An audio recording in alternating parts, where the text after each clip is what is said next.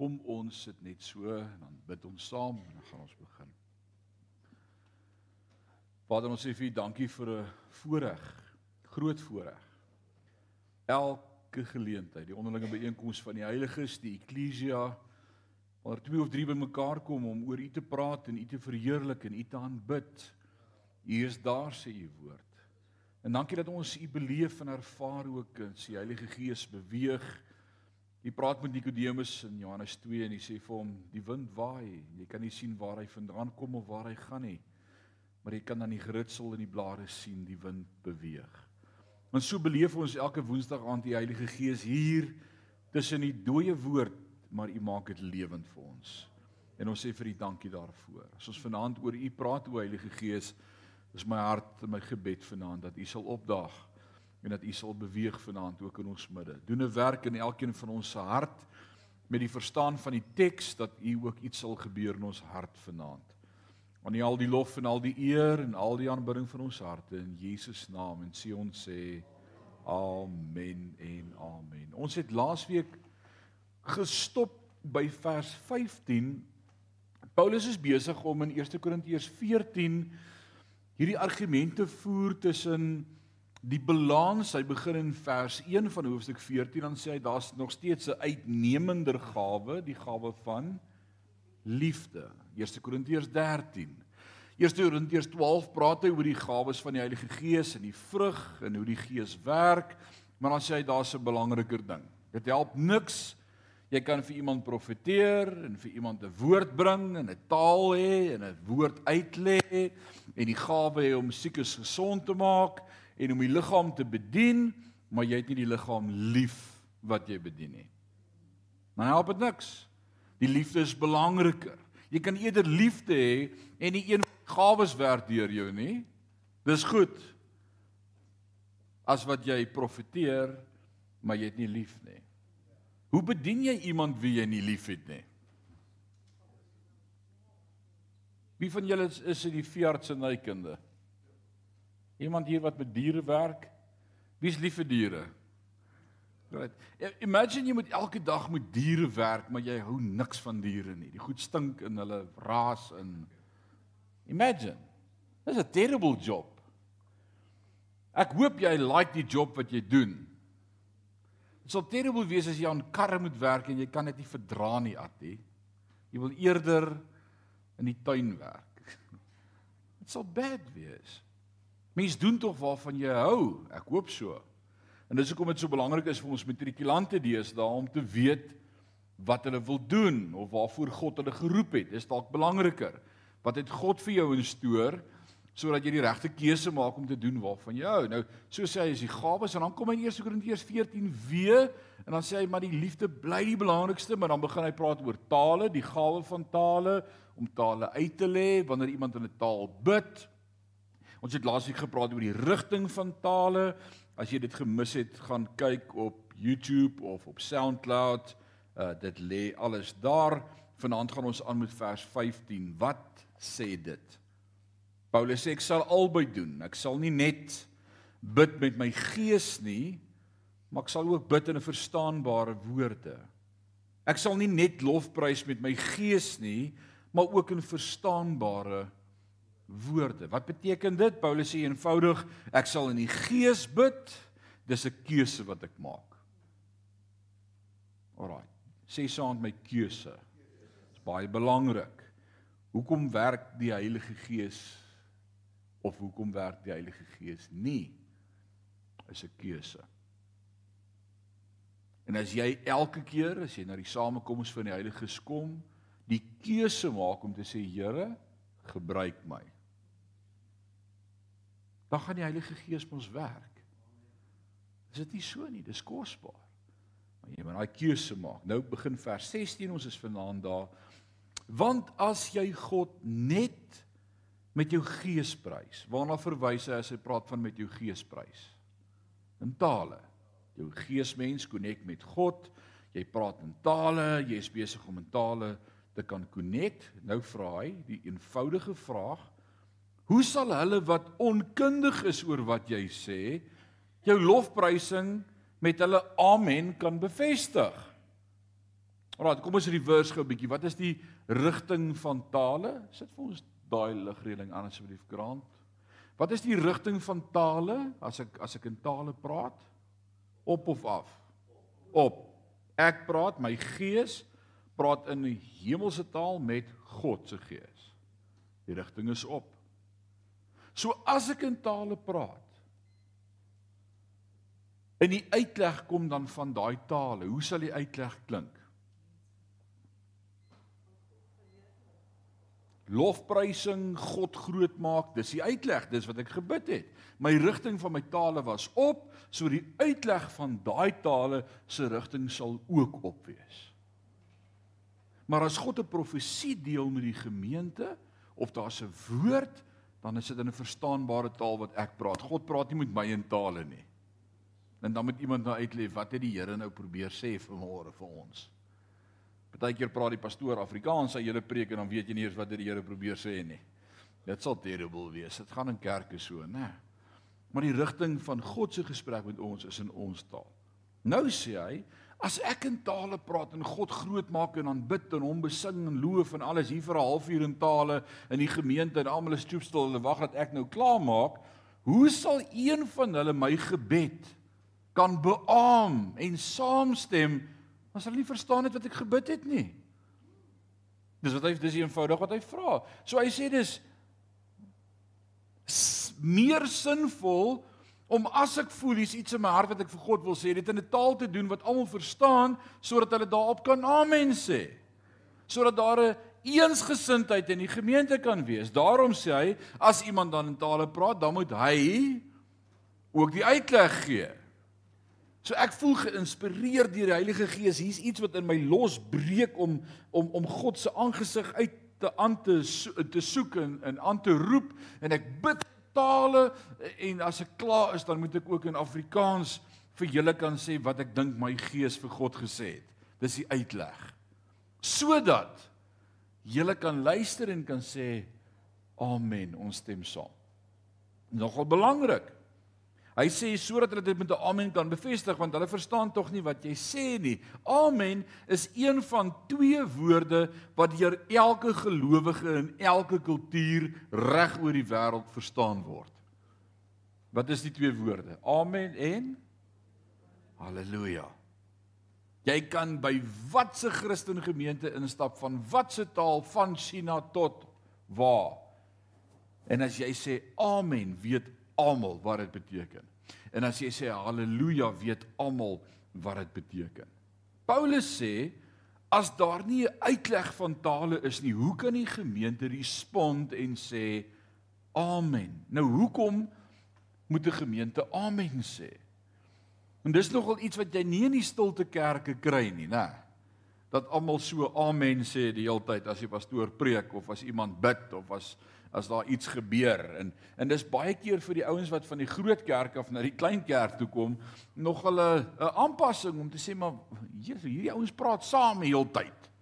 Jy weet, ek probeer luister wat die pastoor sê, hierdie ou langsom, mm, amen, amen net die hele tyd. Soos wat sy storie. Ek gaan dit vanaand vir jou verduidelik uit die Bybel uit. Dis actually kosbaar as jy dit verstaan en waar dit vandaan kom. So hoekom moet ons amen sê? Want wat beteken amen? Dit is so. Ek stem saam. I agree. Alraai, dis al wat amen beteken. So toe die woord gegee is aan diegene in in Numeri in Nehemia 5 vers 13 sien ons daar word 'n woord deur die profeet uit God se hart uitkom Nehemia en hy profeteer en hy sê vir die volk Jode julle moet ophou om buitensporige rente vir mekaar te oes. As jy vir 'n broer geld leen, dan is daar geen rente nie want hy's ook deel van God se volk en jy byt jou broer uit deur hierdie buitensporige 10, 20, 30, 40% rente. Dis nie van die Here nie.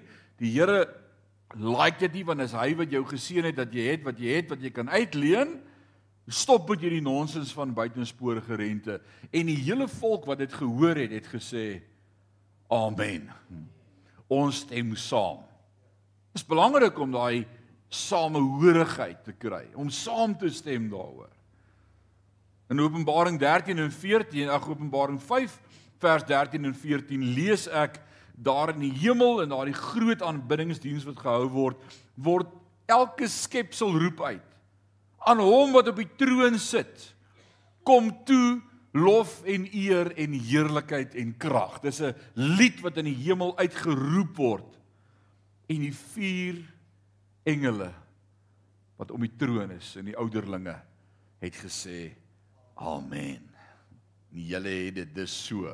Ons stem saam. Dis dis belangrik. Die Korintiërs, die gelowiges in hierdie gemeente was diegene wat amen gesê het as daar gebed opstyg in die gemeente. Hulle was bekend daarmee. As ons vir Willie vra, Willie bid vir ons en gaan vir ons voor en Willie bid en hy sê Here, U is daar 'n awesome God, dan sê ek amen. U is 'n awesome God. Ek kan nie teen Willie en saam met Willie net so hard soos Willie bid nie, maar ek wil ook met God connect. En dis ongelukkig baie keer wat gebeur in dienste wanneer een ou bid of een ou besig is om te aanbid, die res staan apaties. Hallo, Willie bid lekker lank vanaand. Jy wil nie gaan draai hom ook daar in die Kaap vanaand. Kan wil jy nie net klaar kry nie. Maar dis onmeelewend waar die regte manier volgens die woord is, is ek stem saam met wat wil hy bid. Ek dra wil hy in die gebed. Ek is deel van sy gebed. En op alles wat hy sê wat so is waaroor ek saamstem, sê ek ati amen. En dis hoekom as die pastoor hier van vooraf iets sê en dit raak jou hart en jy sê, "Yes, dit is so," dan sê ek amen. As die pastoor iets sê wat nie in die Bybel staan nie en wat nie van die Here is nie en wat nie korrek is nie, is die regte manier dan om eintlik om op te staan en te sê pastoor, jy praat nonsens. Dis die regte manier om Johan. Dis wat die woord my leer. Hy sê as daar 'n woord is, dan moet ons die ouderlinge dit beoordeel.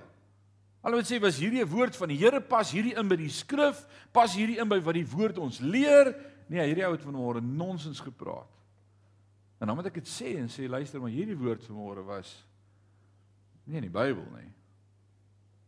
As iemand opstaan en sê so sê die Here en dis nie in gel met dit wat die Here sê in sy woord nie, dan moet ons opstaan en sê nee, hierdie was nie 'n woord van die Here nie.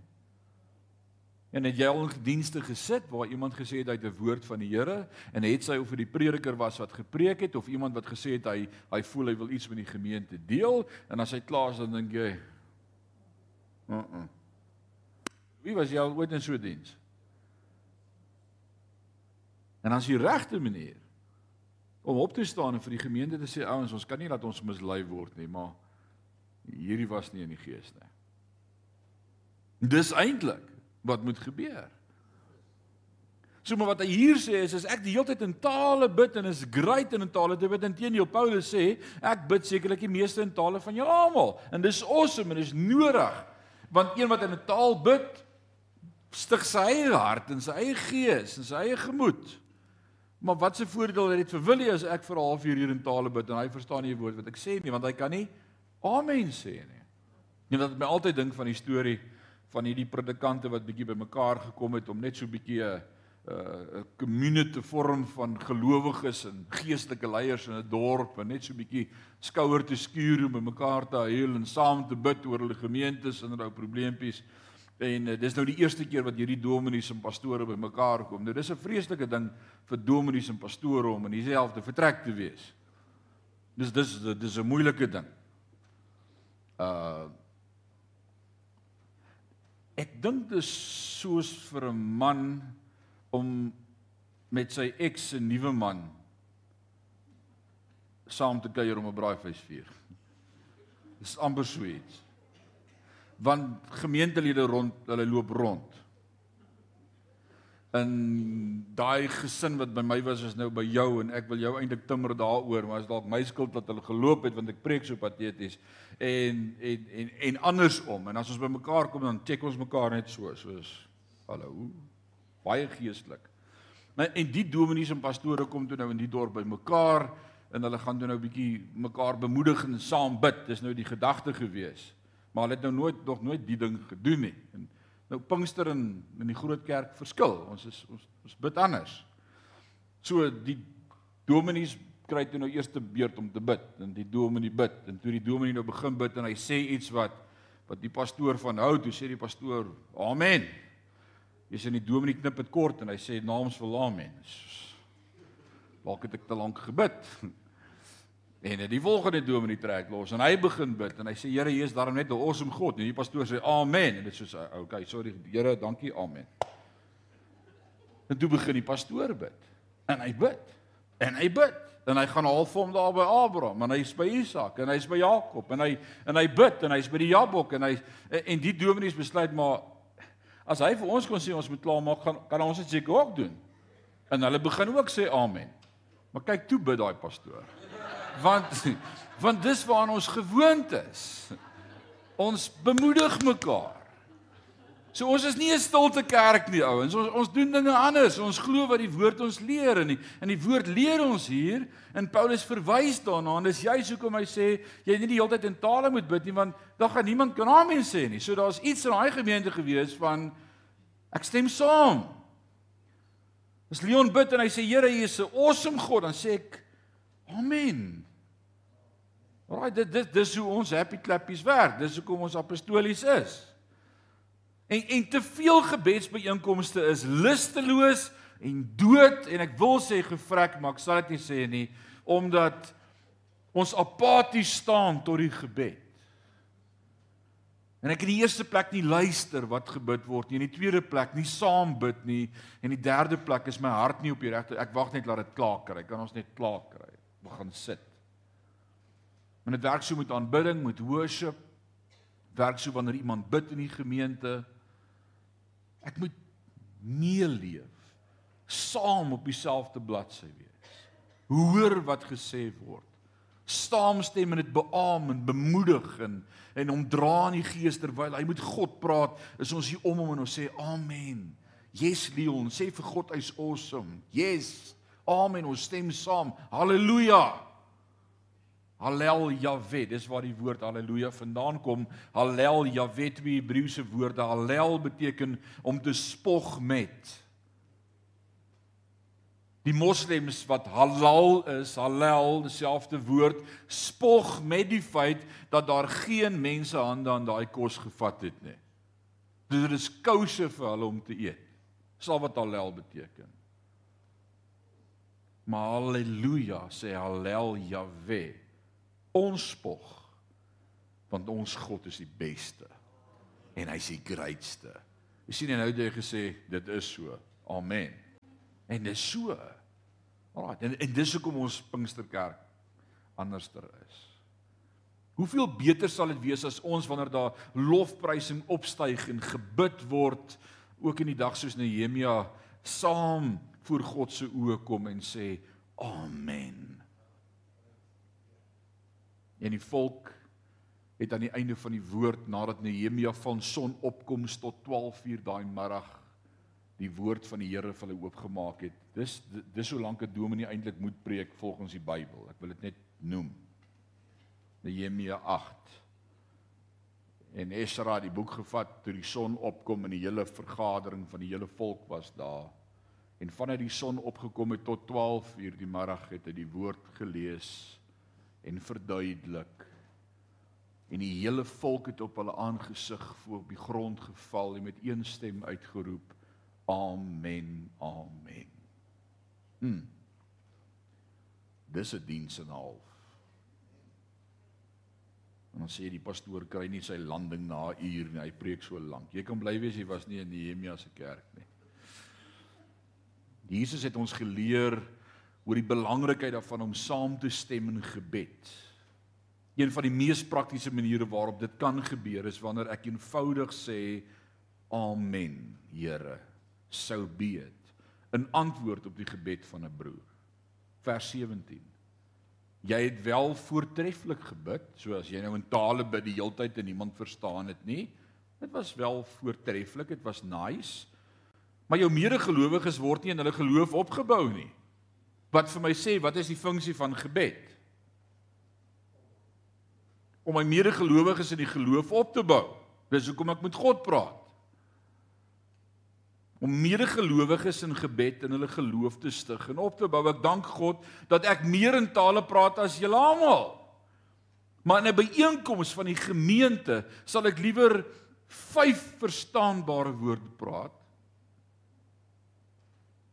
waaruit ander iets kan leer as 10000 onbekende woorde in 'n onbekende taal. So hy gee praktiese lering rondom die werking van die Heilige Gees en veral tale in die diens en hy sê al is ons Pinkster en al kan ons almal in tale praat as ons hier by mekaar is. En nou is dit baie keer die barometer wat ons ou Pinkstermense, 'n Pinksterbeweging in 'n diens aan meet is aan hoeveel daar in tale gepraat is. Iemand vra nou die dag vir my, is die kerk nog Pinkster? Ek sê hoekom? Hy sê niemand het vanmôre in tale gepraat by die kerk is dit nog 'n Pinksterkerk. En ek sê ons praat almal in tale, maar Paulus sê ek praat eerder 5 woorde in Afrikaans as 10000 woorde in tale. Want wat baat dit enige iemand as ek net in tale praat? Né? Nee. Maar as ek alleen bid, wanneer ek in my kar ry, wanneer ek besig is, wanneer ek stort, man, dan praat my gees met God se gees. En ek hoop jy doen dieselfde. So tensy enige iemand in Korinthe gedink het dat Paulus die gees uitblus, deur beperking op die openbare uitdrukking van tale te plaas, herinner hy hulle daaraan dat hy meer as almal in tale praat. Desondanks het hy in die gemeentelike omgewing verkies om te praat wat verstaan sou word sodat die ander kan saamstem. Dis belangriker. Broers en susters, vers 20. Julle moenie soos naïewe kindertjies wees in julle denke oor hierdie dinge nie. Wees liewer babetjies wat die kwaad aanbetref, maar volwassenes in julle denke. Jesus, dis mooi gestel. Oom Leon. Wees eerder babetjies vir die sonde en wees dom oor die verkeerde dinge, maar wees volwasse as dit kom by die geestelike goeders.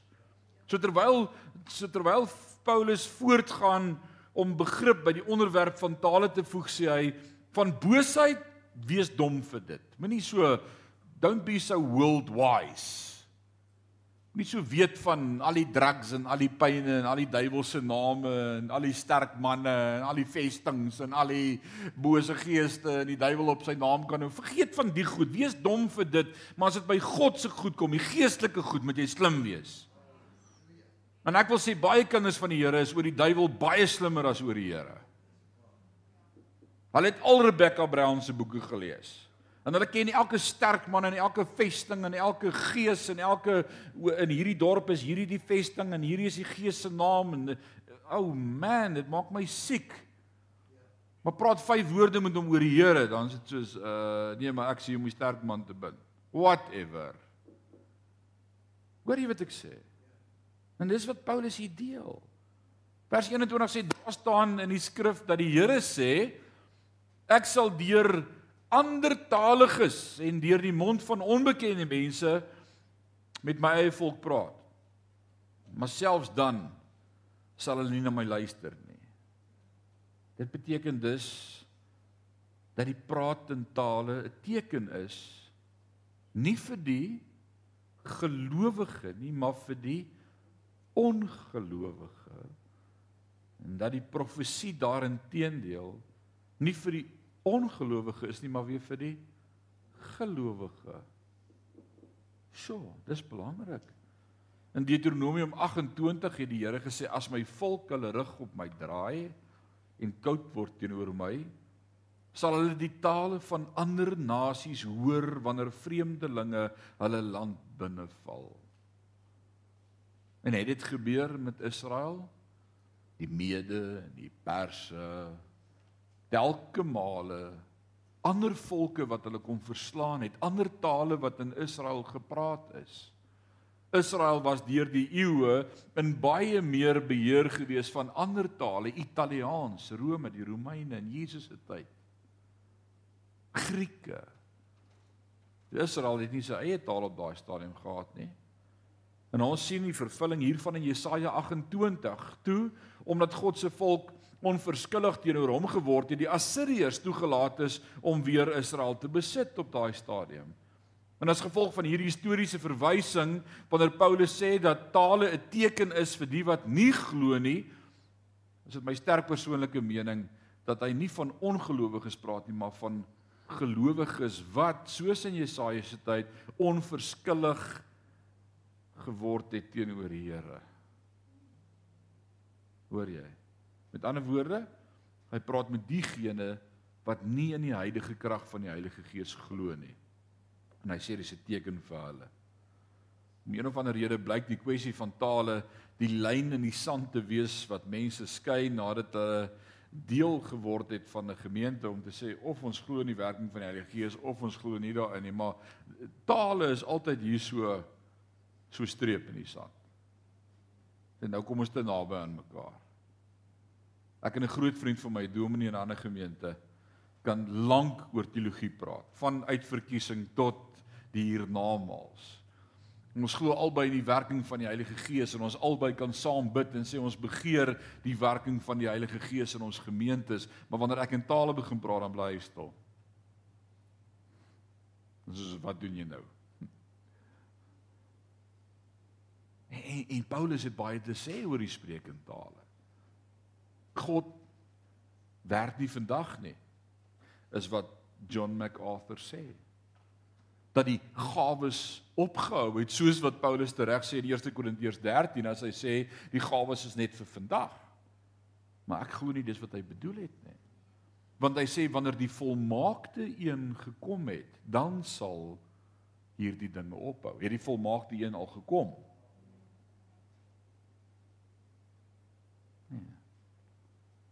So hang alles af hoe jy dit sien. En daardie wonderlike en uitdrukking van tale, man, dis net amazing. Vers 23 sê derhalwe as die hele gemeente bymekaar kom en almal praat in tale en daar kom onkundiges of ongelowiges in, sal hulle nie juis dink julle die klits kwyt nê. As ons Sondag in die eerste lied sê, okay, almal praat nou in tale en almal bars los en praat net in jou hemelse taal en hier sit 'n ou wat vir die eerste keer in sy lewe in hierdie kerk inkom. O oh man, wat het ek gedoen? En ongelukkig het ons stoere Pinksterkerke so 'n tradisie gehad en so 'n naam gehad in die gemeenskap. Daai ouens is weird. Daar was van die happy clappies baie goed gesê wat nie so was nie. Daar's gesê dat ons die ligte afsit en dan los ons duwe en dan vang ons almal die duif in die kerk want ons vang die gees en party kruip onder die banke rond. Mensstoffel kan jy onthou wat alles van ons gesê is? En ons is genoem die die damduikers omdat ons groot doop. En die krokodille want ons sleep almal water toe. Ons het klomp name gehad en en dinge wat vir ons toegesnou is wat nie so is nie. Dalk was dit Eskom beerkrag daai aand. Ek weet nie, maar ons sit nooit die ligte af om die Heilige Gees te vang nie. Maar dit kom met onwysheid in. En ek dink dis hoekom proper se lering oor die onderwerp so belangrik is en en, en dis vir ons gegee, dis in die teks. Ons ons moet hoor wat Paulus sê vir die gemeente. Vers 24 sê, maar as almal profeteer, en daar kom ongelowiges of onkundiges in en hulle word deur almal oortuig van sonde en hulle lewens word deur almal ondersoek en hulle hartsgeheime word blootgelê dan sal hulle net daar op hulle knieë val en God aanbid en verklaar werklik waar God is hier by julle. So hy sê hy hy weeg nou hierdie hele tyd speel hy met hierdie pendulum, hierdie twee dinge wat ons vra wat is die belangrikste om in tale te praat of om te profeteer. Maar ek praat liewer in tale want ek wil met God praat. Maar hy sê dis great as jy in tale praat, maar as dit nie verstaanbaar is vir die ouens om jou nie, gaan hulle dink koek koek. Want ek weet nie wat jy sê nie. En die res van die gemeente wat ook gelowiges is, kan nie eers sê amen nie, want hulle weet nie wat jy gebid nie. Maar as jy 'n woord bring uit God se hart uit wanneer daar 'n profesie is, dan spreek dit ook ongelowiges aan en hulle sê, "Oh, hier praat die Here met 'n mens." En dis belangrik. En ek nooit prediking as profeteer gesien nie. Maar hoe meer ek preek, hoe meer besef ek elke Sondag as ek agter daai kansel staan met die woord oop en ek sê so sê die Here, is ek niks anders besig om te doen as om 'n woord van God te bring vir sekere mense die en dis profeteer. Dis dis niks anders as profeteer nie.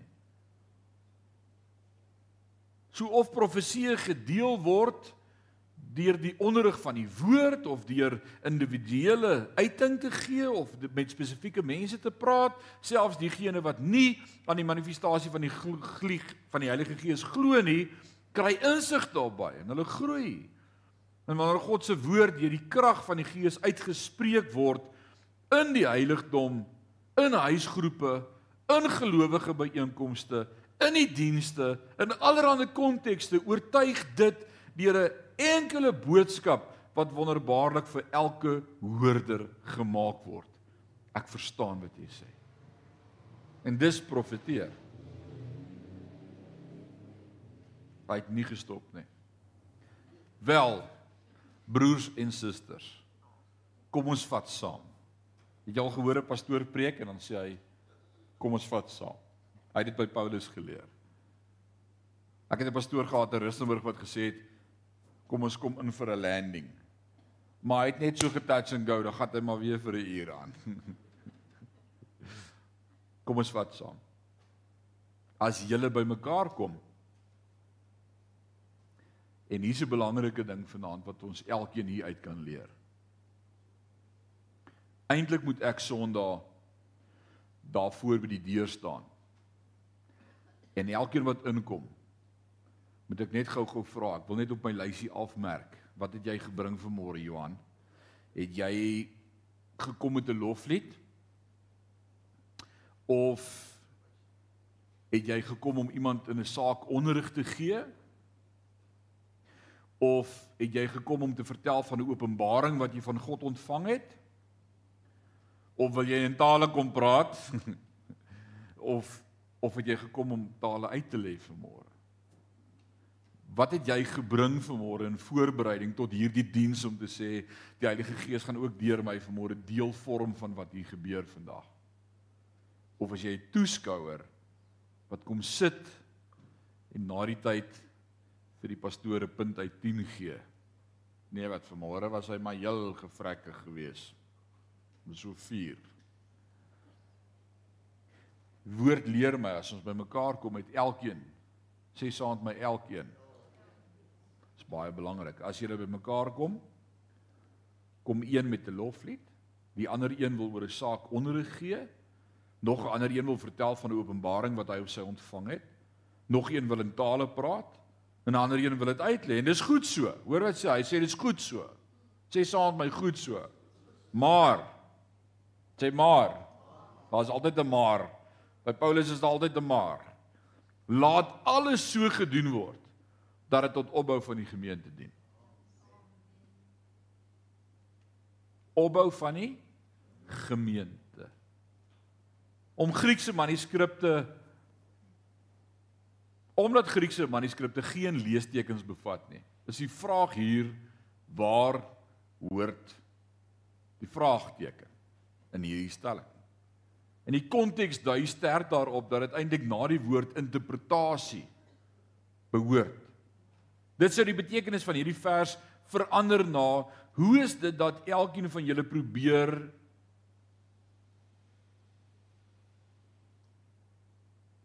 Hoe is dit dat elkeen van julle probeer wanneer julle bymekaar kom om te kyk wat kan die Here alles deur julle doen. Hierdie een sê ek gaan profeteer, hierdie een sê nee, ek het 'n lied vir môre, hierdie een sê nee, ek het 'n dankbare hart, hierdie een sê nee, ek wil uh ek gaan maar in tale praat vir môre. Ek het nie baie voorberei nie. Uh ek hoop jy gaan dit kan uitlê. Ek voel jy die uitleg. ek was al in 'n die diens waar iemand vir my gesê het uh nadat hy in tale gepraat het, die Here sê jy die uitleg. Dit sê uh, uh die Here sê jy moet self bid vir die uitleg. Maak jou probleem myne maak hier. Just like imagine dit. Nou is ek nie geestelik nie want ek het nie die uitleg nie. Pas as jy my vra vir 'n uitleg. Ek sal vir jou sê wat die Here sê. Laat my dink aan hierdie diens wat plaasgevind het waar die, die musikante is agter op die verhoog en die sangleier is besig om sange te lei. Jy onthou ons Pinksterkerk vroeër jare sange gelei. Jong mense, ons het gespot, ons het gesê bring die emmers melkie koeie, bring die emmers melkie koeie. Jy het hom so onthou jy dit op stoffel? Dis wat ons dit genoem het, so gelyk van onder af, maar hulle die ritme lekker aangegee van die lied en die en die dromme speel en en, en die musiek speel en hier's 'n ou wat op die kitaar is. Hy speel kitaar, langarm kitaar. Onthou jy langarm kitaar, Gibson. En 'n uh, regte boere orkes. En hy sien die een suster in die gemeente kyk vir hom en hy knik vir haar oog terwyl hy gitaar speel. En die broer kyk vir sy vrou en hy kyk vir die broer en hy besluit maar dis om 'n twak. En hy stap op die verhoog en hy sla daai ou agter sy gitaar uit. Waba. Die sangleier wat die melkemmers bring en die koeie melk sien net hierdie ou kom op en hy slat die ou maar hy weet nie wat die ou gedoen het nie. En hy draai om en hy die uitleg en hy sê die Here sê dis nie van die Here nie en hy slat hierdie ou onderste bo.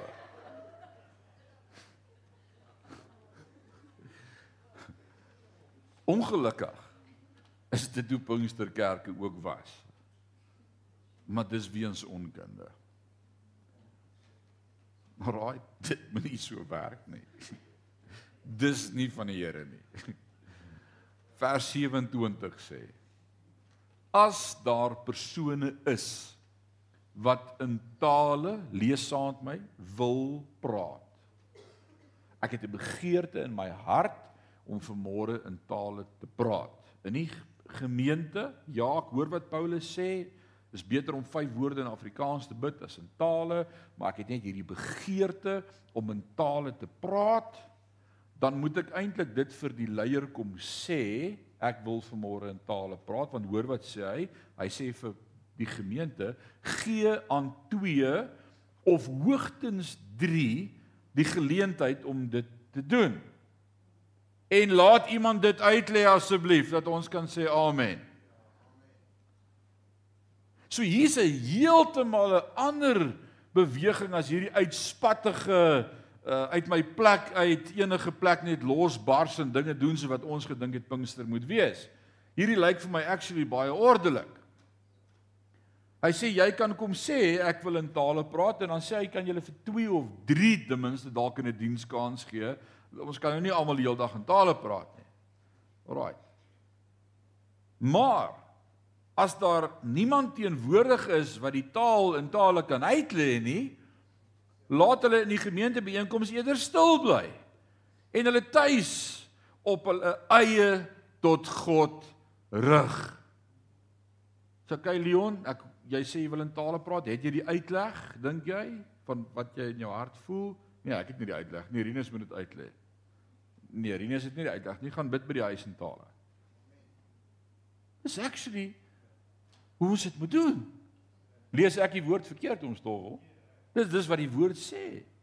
Hy sê wat die profete betref, met ander woorde daar's ouens wat ook die profetiese gawe op hulle lewe het en wat meer ingestel is om te profeteer of te sê wat sê die Here. Hy sê wat die profete betref, laat 2 of 3 aan die woord kom en die ander dan beoordeel wat gesê is.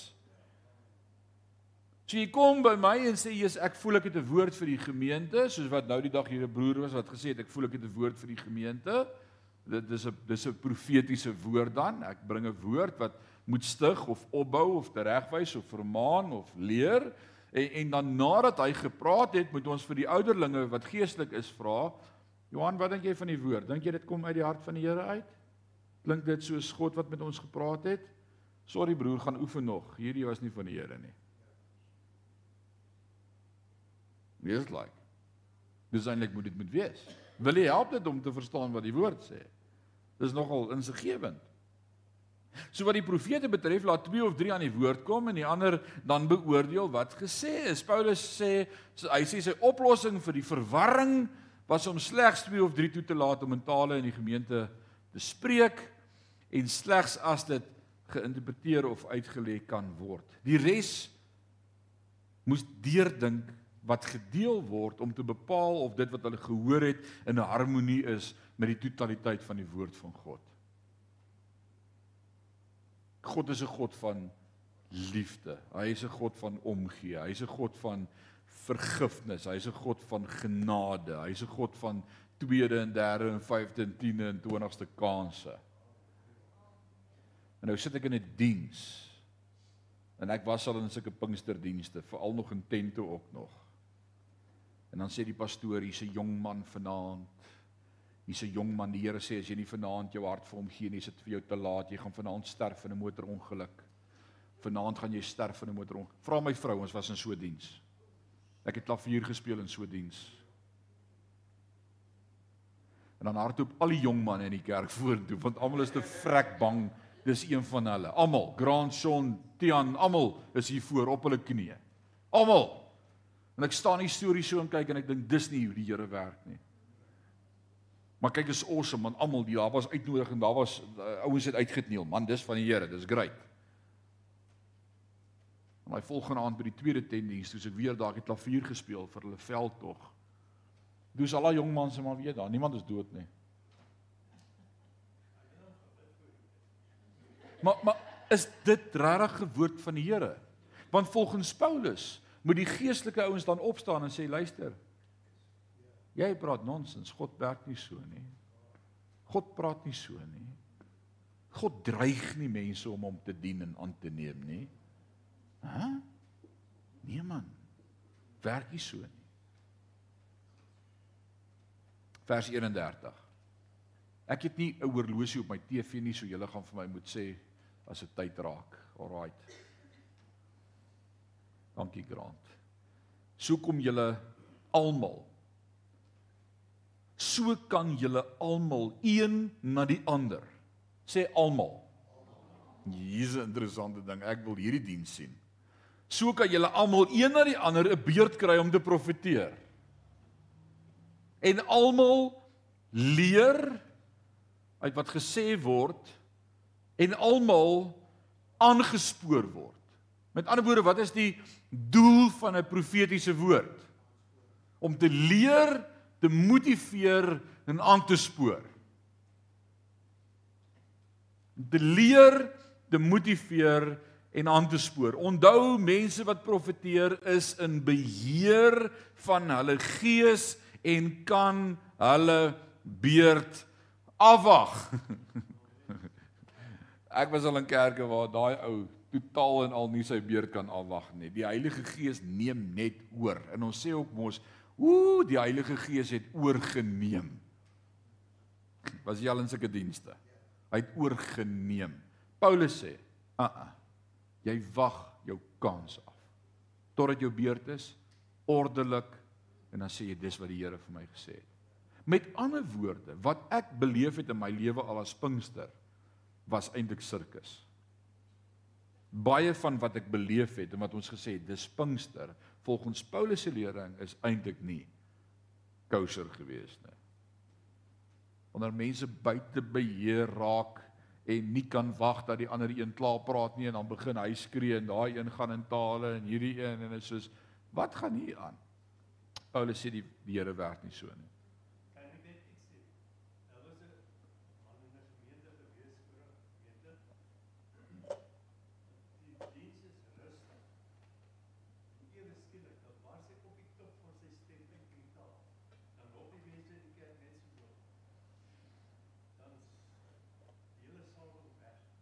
Was dit van die Here? Nee. En het hy dit dan uitgelê? En was die uitleg dan towards the direction of heaven and God? As dit nie is nie, is dit nie die egtheid. En ek dink dit is so awesome as ons vanaand hierdie lering hoor, want nou gaan ek volgende week as 'n kerk toe kom sê Here, hoe wil U my gebruik? En as ek in my harte begeerte het om in tale te praat, dan gaan ek kom sê, hoorie, ek ek wil in tale praat, maar ek dink ek het die uitleg ook. Of ek vra vir God, gee vir my die uitleg voor ek in tale gaan praat. Of as ek sê nee, ek ek dink ek het 'n profesie. Hier's iemand vir wie ek vanmôre moet sê die Here sê ABC. En as ek dit gesê het, dan moet ons sê is dit wat die Here gesê het dieselfde as wat hy in sy woord vir ons sê Yes, dit is. Hierdie is vanmôre vir iemand. Ouens, ons moet gehoorsaam wees met wie die Here gepraat. Kom vorentoe. Ons wil vir jou bid en dan staan Leon en wag vir sy beurt voordat hy gaan begin profeteer, want hy het ook 'n woord, maar die Heilige Gees is 'n gentleman. En dis Pinkster. Louis, wat sê jy daarvan? En ek sê ek soek Pinkster. Dis hoe God se Gees deur ons kan werk. Tot opbou tot stigting, tot lering van die gemeente. So as lering gegee word, gaan die Here homself nie onderbreek met 'n ander profetiese uitbarsting in 'n ander ou in tale en nee, hy werk met almal dieselfde. Tian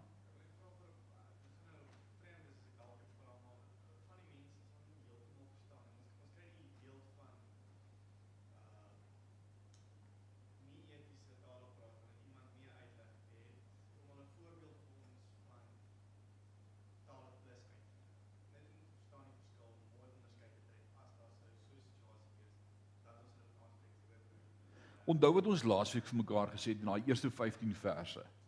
As jy dit gemis het, gaan ek dit vinnig sê want Dion Dion praat daaroor. Tale is wanneer my gees, die Heilige Gees in my met God praat. Daar kan twee wees. Hy praat van die gawe van tale, né? Die gawe of wanneer my gees met God praat in tale. Die gawe van tale is wat ons in Handelinge 2 sien op Pinksterdag het al hierdie wat vervul is deur die Heilige Gees elkeen in 'n ander taal begin praat wat hulle nie verstaan het nie en almal wat in Jerusalem was het elkeen in sy eie taal die evangelie gehoor. Dis die gawe van tale. So awesome. Maar as gelowiges vind ek ook my geestelike taal wanneer die Heilige Gees bid met God.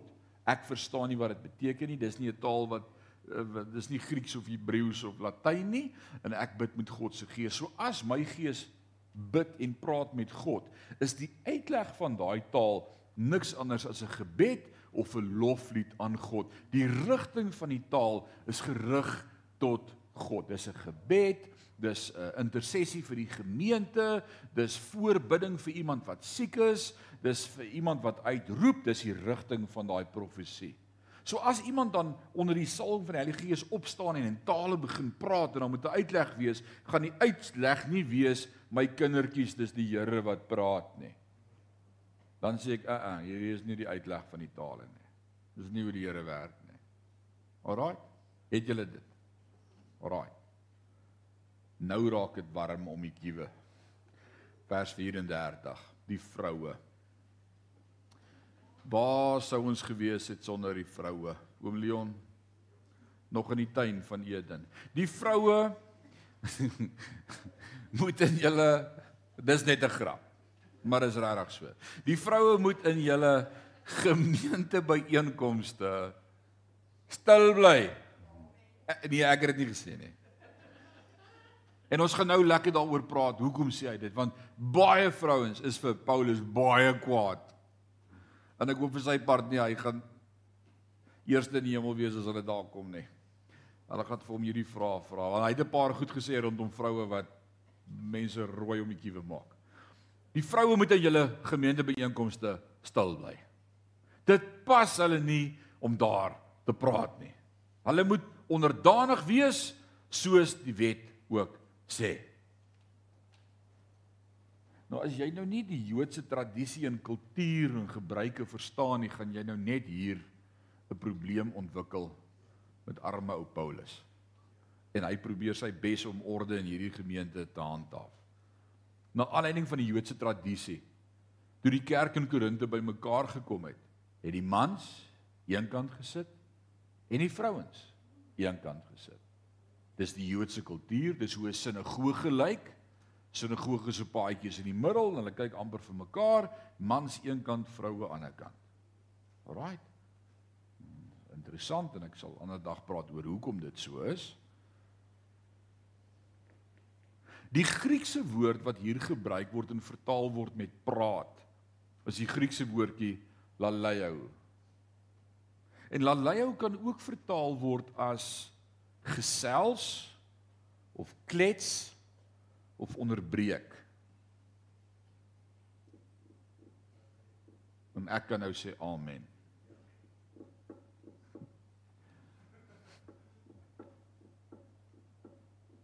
Het julle dit? So wat sê Paulus?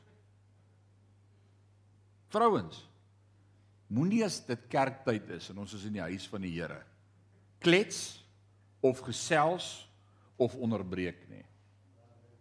Moenie laat laai jou nie. Sst net. Fokus net. Fokus my kind. Die manne is ingebid, hulle is gefokus op die woord wat hulle gaan bring. Hulle het nie nou lus om te smile en te wat nie. Fokus. Hoor julle? En dis gewoonlik vrouens, want ons is nou ek het niks teen vrouens nie, dis baie belangrik. Maar 'n leier waarna hy verwys is juis dit. Want wat hulle bedoel het, is nou word iets gesê in die gemeente in mamma beer se die kant en pappa beer se die kant en dan skree mamma beer vir pappa beer en sê: "Hey, Johan, wat het hy nou daarmee bedoel?" En Paulus sê: "Ag nee man, hierdie is nie 'n sirkus nie. Gaan vra hom by die huis wat het hy daarmee bedoel. Nie in die kerk nie." Snit.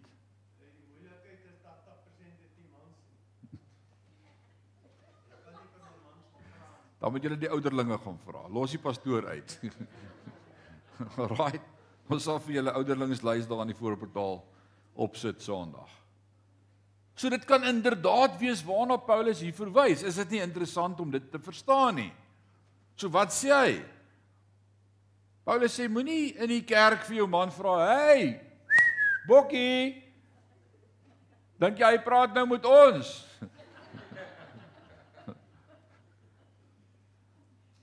Ek ek gaan dit nou nie sê vanaand nie, maar die kleerlinge hou so kerk. Ek het gesê ek gaan dit nie sê nie, ek het nê. Maar die pastoor preek. En hy sê vanmôre preek ek vir huwelike wat op die rotse is. Broer, jy wat in sonde lewe en jou vrou verneek en dink niemand weet nie. Die Here weet. En Marai stamp so aan Gatiep en sy sê: "Sien jy? Ek het vir jou gesê die Here gaan hierdie ding uitwys."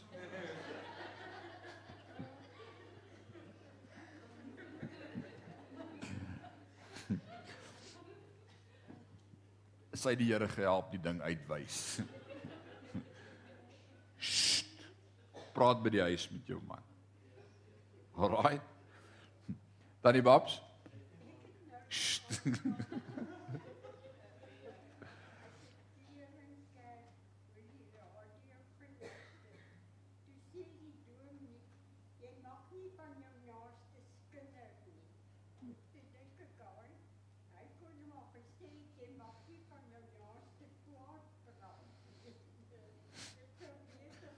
maar dit is kinder. So moenie in die kerk as die pastoor sê, mans, julle wat julle vrouens verneek en dink die Here weet nie, moenie dan sê Kobus, hoor jy? Snit. Dit dit kan wees waarna hy verwys. Dis dis een interpretasie van hierdie teks wat dit vir ons makliker maak om te verstaan. Maak dink nie. Dis regtig wat Paulus hier bedoel nie. Sodra 'n persoon besluit dat jy 'n spesifieke teks net relevant was vir daai kultuur en vir die gebruik van daai dag. Want dis die gevaar van skrifinterpretasie. Dat ek hierdie skrif vanaand lees en sê vroue moet in gemeente byeenkomste stil bly en ek sê, "Ag, ah, dit was net vir daai dag vir daai vrouens van daai kultuur wat so kerk gehou het." Waar trek ek die streep by 'n teks wat vandag met my wil praat? Of gaan ek elke keer sê, nee, is nie vir ons nie, dit was vir hulle. Soos by mekaar kom praat ons in tale, nee man, dit was nie vir ons nie, dis vir hulle. sien jy wat begin gebeur? So ek kan nie, so daar moet 'n ander verduideliking wees vir hierdie teks ook. So wat is dit? Hy kon net so maklik tot die gevolgtrekking kom het oor die doop en die nagmaal en gesê het maar dit was net vir die eerste kerk, dis nie vir ons nie. Kom ons trek die streep en sê dit was net vir hulle gewees. Paulus sê in vers 33 want God is nie die skepper van verwarring nie, maar van vrede soos in die gemeente wanneer die heiliges bymekaar kom, daar's orde. En om dus te suggereer dat vers 34 net betrekking het op daai gemeente sal 'n fout wees. Die vers voor ons 'n beginsel vir alle kerke en alle kulture beteken nie dat vroue nie aan die diens mag deelneem nie, want in hoofstuk 11 het Paulus gesê dat vroue wat bid en profeteer vry is om dit te doen solank hulle onderdanig is aan die gesag van hulle man. So dis nie die konteks van wat hy hier sê nie. Die beste kommentaar op die Bybel is die Bybel self. 1 Timoteus 2 vers 11. Vroue behoort te luister en moet stil en onderdanig leer. Ek laat vroue nie toe om mans te onderrig of oor hulle gesag uit te oefen nie. Laat hulle eerder stilweg luister. En uit hierdie gedeelte kan ons sien dat Paulus se opdrag dat vroue in die kerk nie moet praat nie, beteken dat hulle nie oor mans gesag mag uitoefen in God se teenwoordigheid nie. Want God het die man aangestel as hoof van die vrou. Dis God se orde. En ons kan nie in sy huis die orde omdraai. Dis dis gevaarlik. En as ons nie dink dat Paulus sjovinisties is nie, gaan hy voort met sy rede en hy sê in vers 14 en dit was die vrou, nie Adam nie wat deur Satan verlei is en die sonde gedoen het tussen Adam en Eva. Hoe hoe hoe kom dit die duiwel Eva genader en nie vir Adam nie?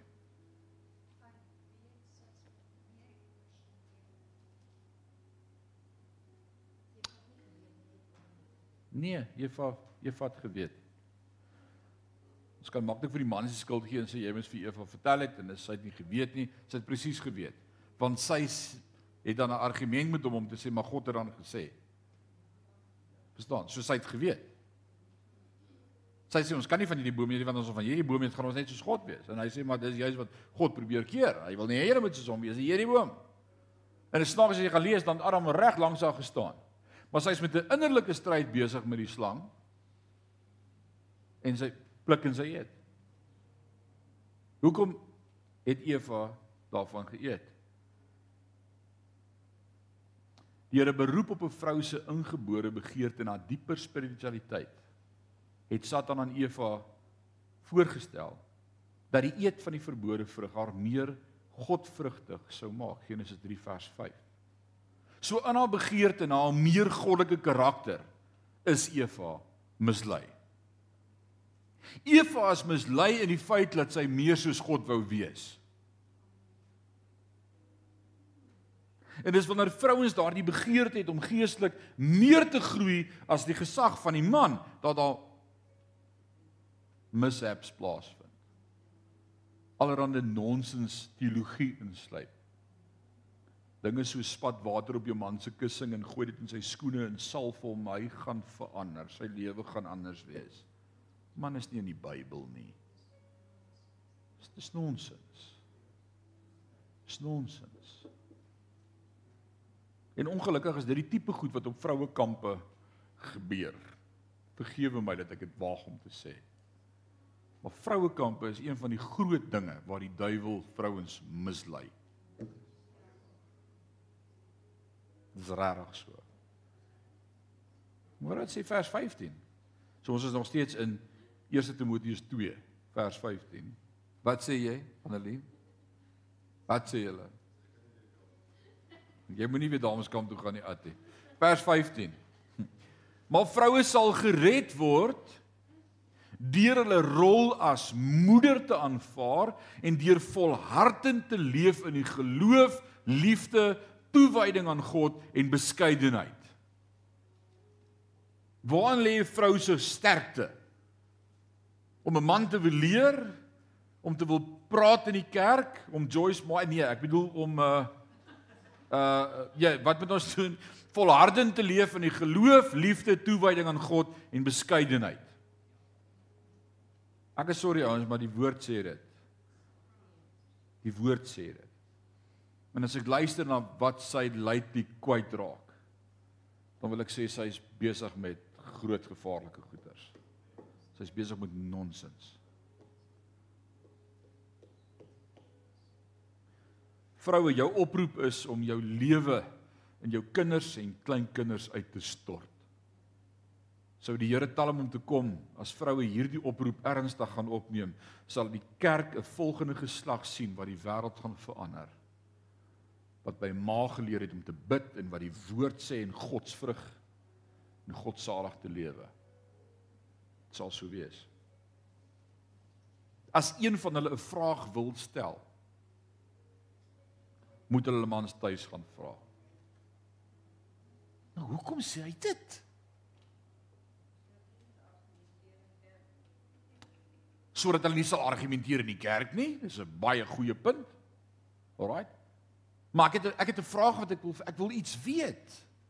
Ek ek wil iets weet. Nou, hier kom hier kom 'n 25 jaar in die bediening. Maar dis wat ek sien. Wanneer 'n vrou my kom vra geestelike vrae. Pastoor, verduidelik bietjie vir my hierdie skrif of ek het hierdie droom gehad of hierdie visioen of ek sukkel met hierdie kind van my en, en sy begin die geestelike rol in die gesin speel. 99,99% van die kere is die man geestelik besig om te veragter want sy is op die geestelike voorgrond. Sy is die geestelike een in die huishouding. Sy is die een wat bid. Sy is die een wat sê ons moet boeke vat. En die man, hy sê nee, is reg bid maar.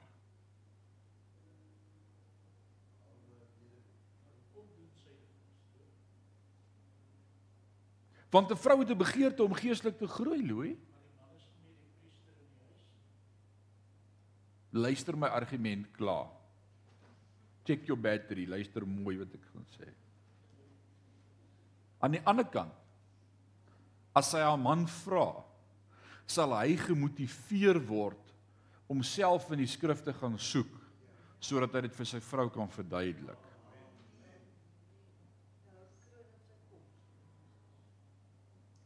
Jy weerhou jou man van geestelike groei as jy nie geestelike gesprekke met hom het nie. My man vra, hy's 'n pateet. Vra jou man. As hy dan nie weet nie, gaan hy besef hy het nodig om by God te hoor want hy moet sy vrou 'n antwoord kan gee. En dalk gaan dit hom help om te verdiep in die woord. En ek wil dit vir elke vrou sê wat alleen die Here dien. Hou op verander die geestelike vrae vra. Paulus sê vra jou man. Al is haar man nie 'n gelowige nie moet sy hom in elk geval vra sodat hy besef daar's goed wat ek nie weet nie en dalk het ek nodig om uit te vind. Want dit pas nie 'n vrou om in die gemeente byeenkomste te praat nie sê hy. Ek glo dat wanneer Paulus sê dit is 'n skande vir 'n vrou om te praat dit is omdat haar praat 'n aanduiding is van 'n gebrek aan leierskap by die man Sien Louis het my nou net 'n minuut te vinnig in die rede geval. Ek ek dink dis waar die probleem is, dis 'n hartseer toestand wanneer in enige groep 'n vrou die enigste een is wat kan onderrig gee want die mans is almal te vleeslik of te swak of te onwillig. God het en sal vroue seën om in te vul en in te staan, maar dis nie God se ideaal nie. God se ideaal is gaan vra jou man by die huis. Wat sak jou aan? Nie ek spot wat jy vra. Yes. Narens dit. Narens.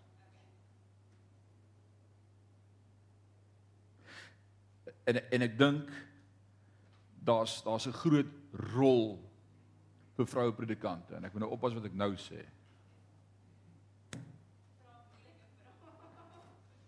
Ons moet moeilike vrae kan antwoord, anders ken ons nie die Bybel nie. Wat is die rol van 'n vroue predikant? Dis 'n vrou wat op haar hart 'n passie het om die liggaam van Christus te bedien.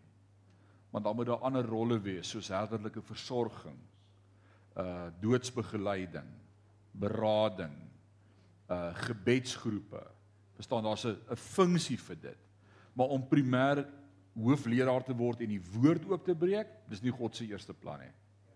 Wil jy vir my sê van daai hele gemeente, wel praat oor Amerika en hulle staatspresident. Kom ons los dit daar maar net daar. Wil jy vir my sê dis die beste keuse? Hm. Uh maar dis nie God se keuse nie. Hoor jy wat ek sê? Jy mag Wil jy my regtig vasvra vanaand? Yes. Yes. Yes.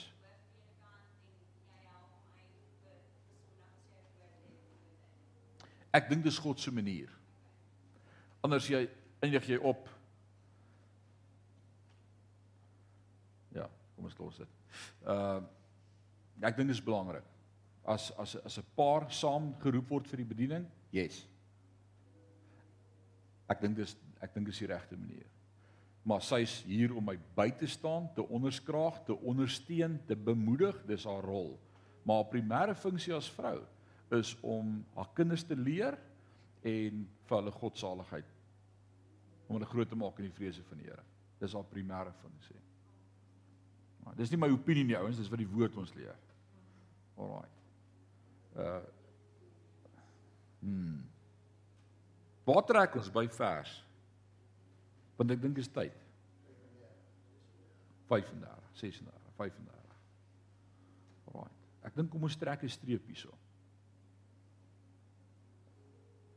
Nee, kom ons maak klaar. 2 minute. Vers 36. Dink julle regtig dat die ware insig in gaan in God se woord sy oorsprong by julle het?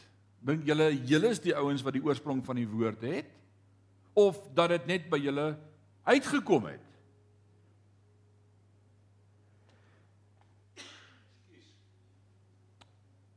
Dan maak julle 'n groot fout. As julle daarop aanspraak maak dat jy 'n profeet is of 'n geestelike mens is, behoort jy te erken wat ek skryf, 'n opdrag van die Here. Maar as jy dit ontken, sal die Here jou ook nie erken nie. Dus my broers en susters, wees entoesiasties om te profeteer en moenie die spreek in tale teeg teëgaan nie, maar laat alles in goeie styl en ordelikheid plaasvind. En daar's die twee dele aan hierdie laaste stelling, die twee belangrike goed. Alles moet ordelik gedoen word en in orde geskied, maar alles moet plaasvind. Die baptiste sê, sien, die belangrikste deel is orde, alles moet in orde gebeur. Die Pinksterouens sê, vergeet van die orde, alles moet gebeur. Omval, hande klap, lê, rol, tale praat, alles. Net soos nee, dan moet balans wees tussen die twee. Dieselfde geld vir ons ook as individue. Volgens diegene wat sulke dinge bestudeer, hardloop die oorgrootste meerderheid mense wat hardloopskoene besit nie. Louis en Es besit al twee hardloopskoene. Ek het nog nooit vir Louis sien hardloop nie. Nie eers badkamer toe nie. Die wat weet sê, die meerderheid van mense wat hardlooptekkies het. Hardloop nie met hulle hardlooptekkies nie. Ek het so 'n paar jaar terug vir Chris fietsryklere gekoop. Hy het dit. Maar hy ry nie fiets nie. Kom ek maak klaar en ek sê wat ek wil sê. Ons almal is so. Ons sê ons glo dat bid in die gees vir vandag bedoel is. Ons glo in die geldigheid van profeseë. Ons weet die Heilige Gees wil in ons gemeente wonderlike dinge doen. Ons het die hardloopskoene. Maar ons klim nie in hulle hardloop nie. Ons soos Paulus wil ek vanaand sê kom ons begeer die gawes en gebruik dit dan op 'n manier wat in harmonie mooi en aanvaarbaar is vir God se gemeente. Die Heilige Gees word met 'n rede as 'n duif voorgestel. Duif is 'n voël van skoonheid, sagmoedigheid, vrede.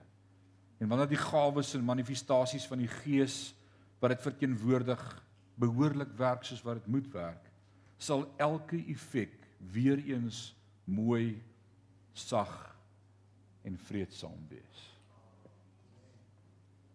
Sê vanaand saand my stem sê ja, God se gawes en die Heilige Gees moet werk. Dis Bybels. Dan wil ek vanaand vir jou vra moenie jou hardloopskoene in die kas bære nie. Mag ons Pinksterkerk weer Pinkster wees. Omdat ons God se Gees toelaat om deur elkeen van ons te werk. Jy Sondag kom sit in die kerk, wees ingebid. Wees gekonnekt met God se Gees. Kom sit en vra Here, vir wie moet ek wat sê vanmôre? En as 'n ou kom sit, sal jy weet, "Ah, ek het 'n woord vir jou." Die Here sê, hy ken jou hart. Ek wil saam met jou bid. Is dit hoe die Here werk? Dis Pinkster ouens. Ek begeer dit trek aan jou hardloopskoene. OK? Kom ons bid. Vader, hier woord is kosbaar. Ons is so lekker om te praat oor die woord en ons kan regtig vir ure en ure kuier. Maar dankie dat u woord vanaand hierdie met ons deel. Dankie dat ons dit mag leer. Dit was leersaam, is insiggewend is prakties, dis vir ons vir vandag, is toepaslik. Maar ek wil bid Here dat U vir ons sal help in Sion gemeente om meer tyd te maak vir die werking van die Heilige Gees. Wil bid vir elkeen wat gees vervuld is om wanneer ons opkom na u huis voorberei te kom en te weet wat wil u deur ons doen vanmôre. Dat elkeen sal kom of met 'n woord of lering of 'n taal of 'n uitleg of 'n profesie sodat die gelowiges gestig kan word en bemoedig kan word en sal groei in hulle verhouding met U. Ek eer U daarvoor. In Jesus naam.